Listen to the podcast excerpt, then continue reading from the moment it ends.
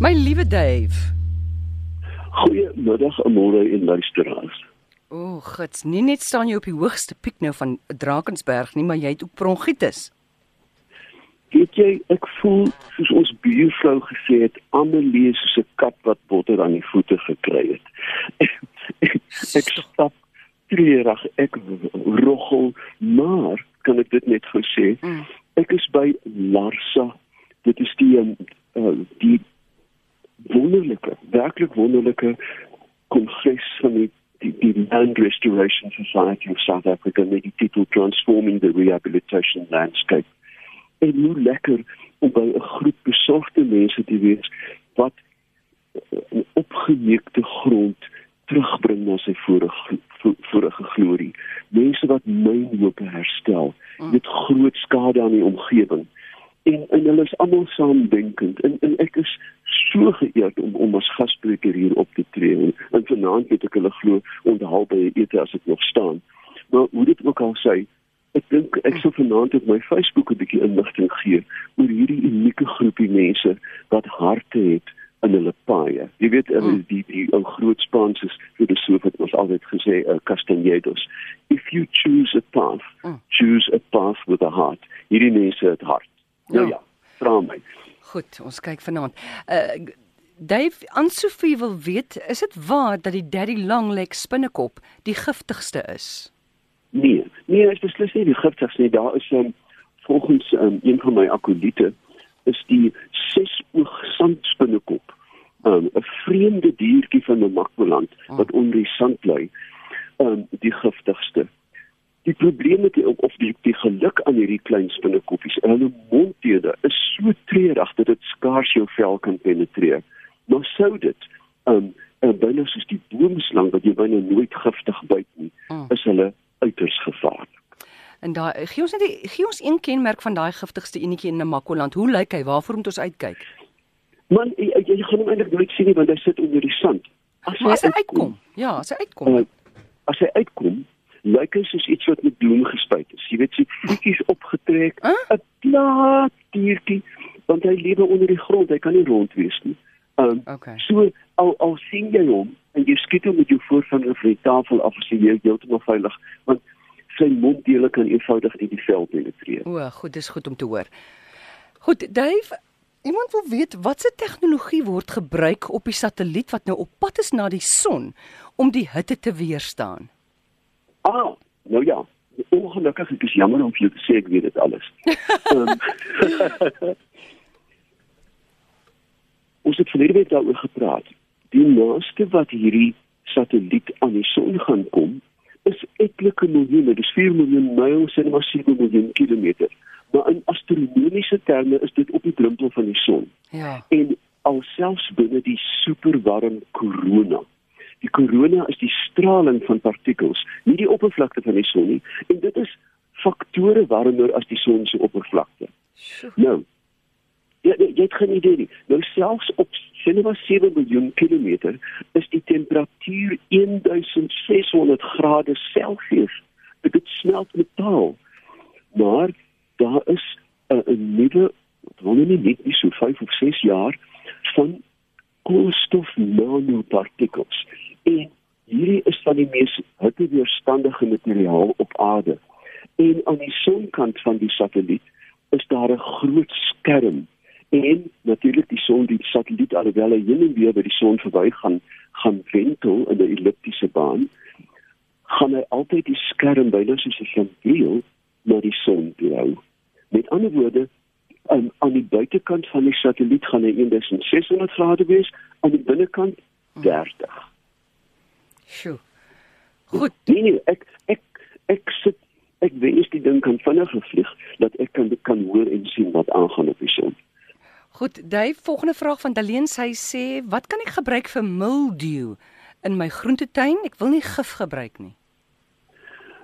Nou, mildew is skimmel, né? Nee? Skimmel, o, dankie. Um, Goed. Ja, dons, dis eintlik die die Afrikaanse dons skimmel. Mm.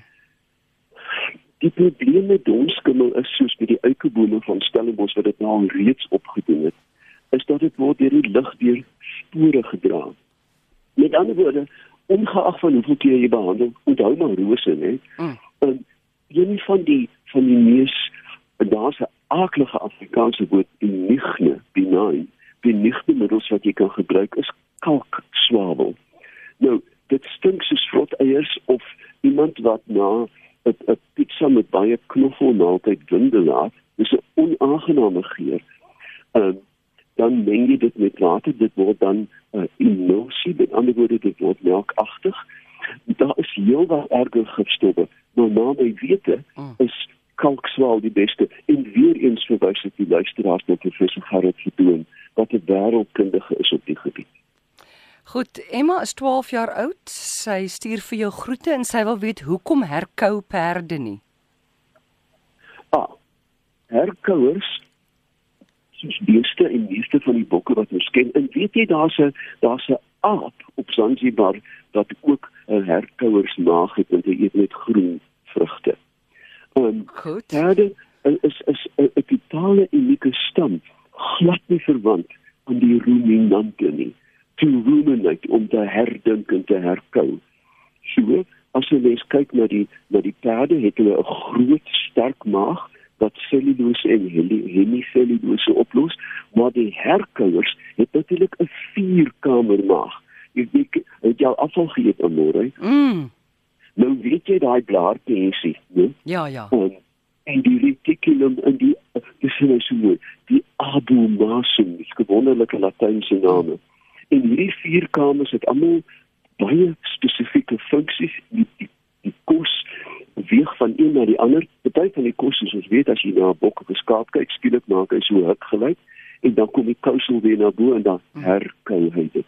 So, dit is een 'n baie spesifieke vierkamer maag en twee 'n baie baie spesifieke mikrofone wat in daai wat in die in die maag bly. Elke maag het verskillende ehm um, komponente het verskillende uh, mikroorganismes en so word 'n moeilike, baie moeilike stof cellulose dan omskep na bruikbare stof. My nommer in die ateljee 0891104553 as jy vir Dave 'n vraag wil vra. Charlotte, goeiemôre. Uh, goeiemôre Amorey. Dit is Corrie Rautenbach. Ek skakel van Poolenshoop. Uh dis op Indrina kragstasie. Ja. Ehm um, ek wil vir Dave net 'n vraag vra. Ehm um, die uh is dit moontlik dat 'n kraanstyf of 'n bosstyf soos ons hom ken, uh, of hy kan lintworms hê. Want uh, ek voer al die wille voels in my tuin elke dag met kos en alles en as ek daar kom by die waterbak dan is daar goed wat lyk soos lintworms in die water. Nou weet ek nie en kan dit dalk waar kry hulle dit vandaan en uh, kan hulle ander voels ook aansteek met dit of wat? Goed. Voels, soos die meeste ander werveldiere, is geneig om interne parasiete te hê. By die menskinders, die lintworms en die ronde worms selfs by baie jong kinders. Maar regdeur die uh, diereryk is daar byna nie 'n werveldier of selfs 'n primitiewe dier wat nie interne parasiete het nie. Sommige van hulle is skadeloos, maar dan is daar in in gewoonlik in die lintwormgroep baie ernstige infeksies. Ek kan nie spesifiek oor die duif praat nie, want ek weet nie, maar voels dra wel interne parasiete of dit nou van die duif af kom kan ek wel nie sê nie. Um, maar um, ek ek ek sal baie graag Corrie dat jy vir my of 'n foto um, of 'n skets na my Facebook bladsy stuur en dan kan ek volledig antwoord. OK, ek nee, is reg so dankie duif ek sal so maak. Goed, dankie Corrie. Dan sien Maria Pretorius van Magaliesburg sy die grillerigste wurm gekry naby hulle braai area. Dit het uh, dit het so dis so 5 cm lank. Hy het stok stokkies reg rondom hom. Hy kruip of seil net 'n gewone wurm en sy het dit op die paal van die dak by die braai area gekry en sy's ja, bang vir hy wurm. Ek weet presies wat dit is. Uh.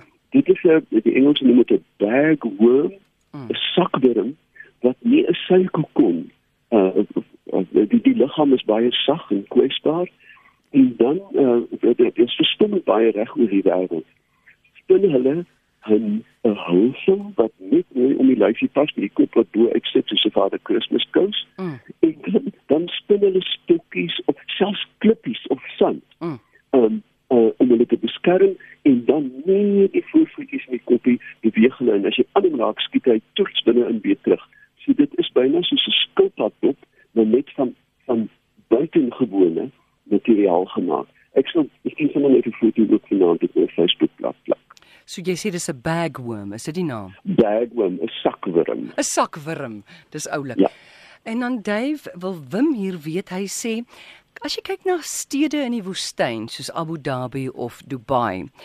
Hy sê ja. daai stede oorleef van lugverkoeling want dit is net so verskriklik warm daar. Hy wil weet waar kry hulle die water daar om elektrisiteit op te wek?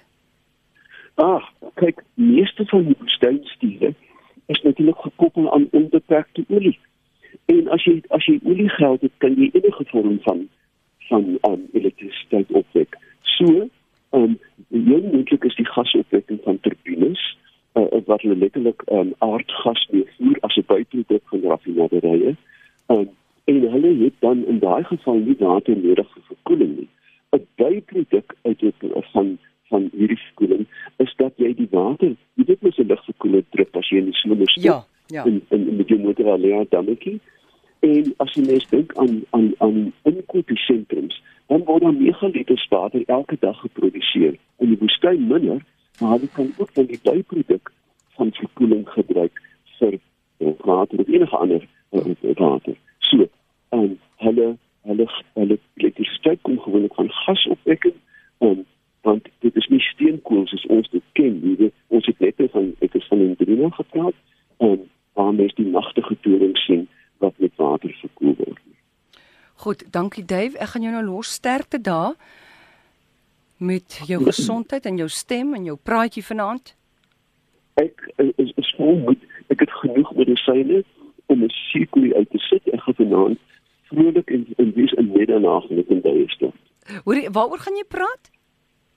Vanaand vanaand praat ek oor wat my ma eendag gehoor het by 'n klein kindjie wat sy probeer leer hekel het. Ja. En die kindjie het alle vinnig gehekel en so sê sy vir die kind, "What is wrong?" Dis skree sy Maggie, "I feel a mistake coming." My titel is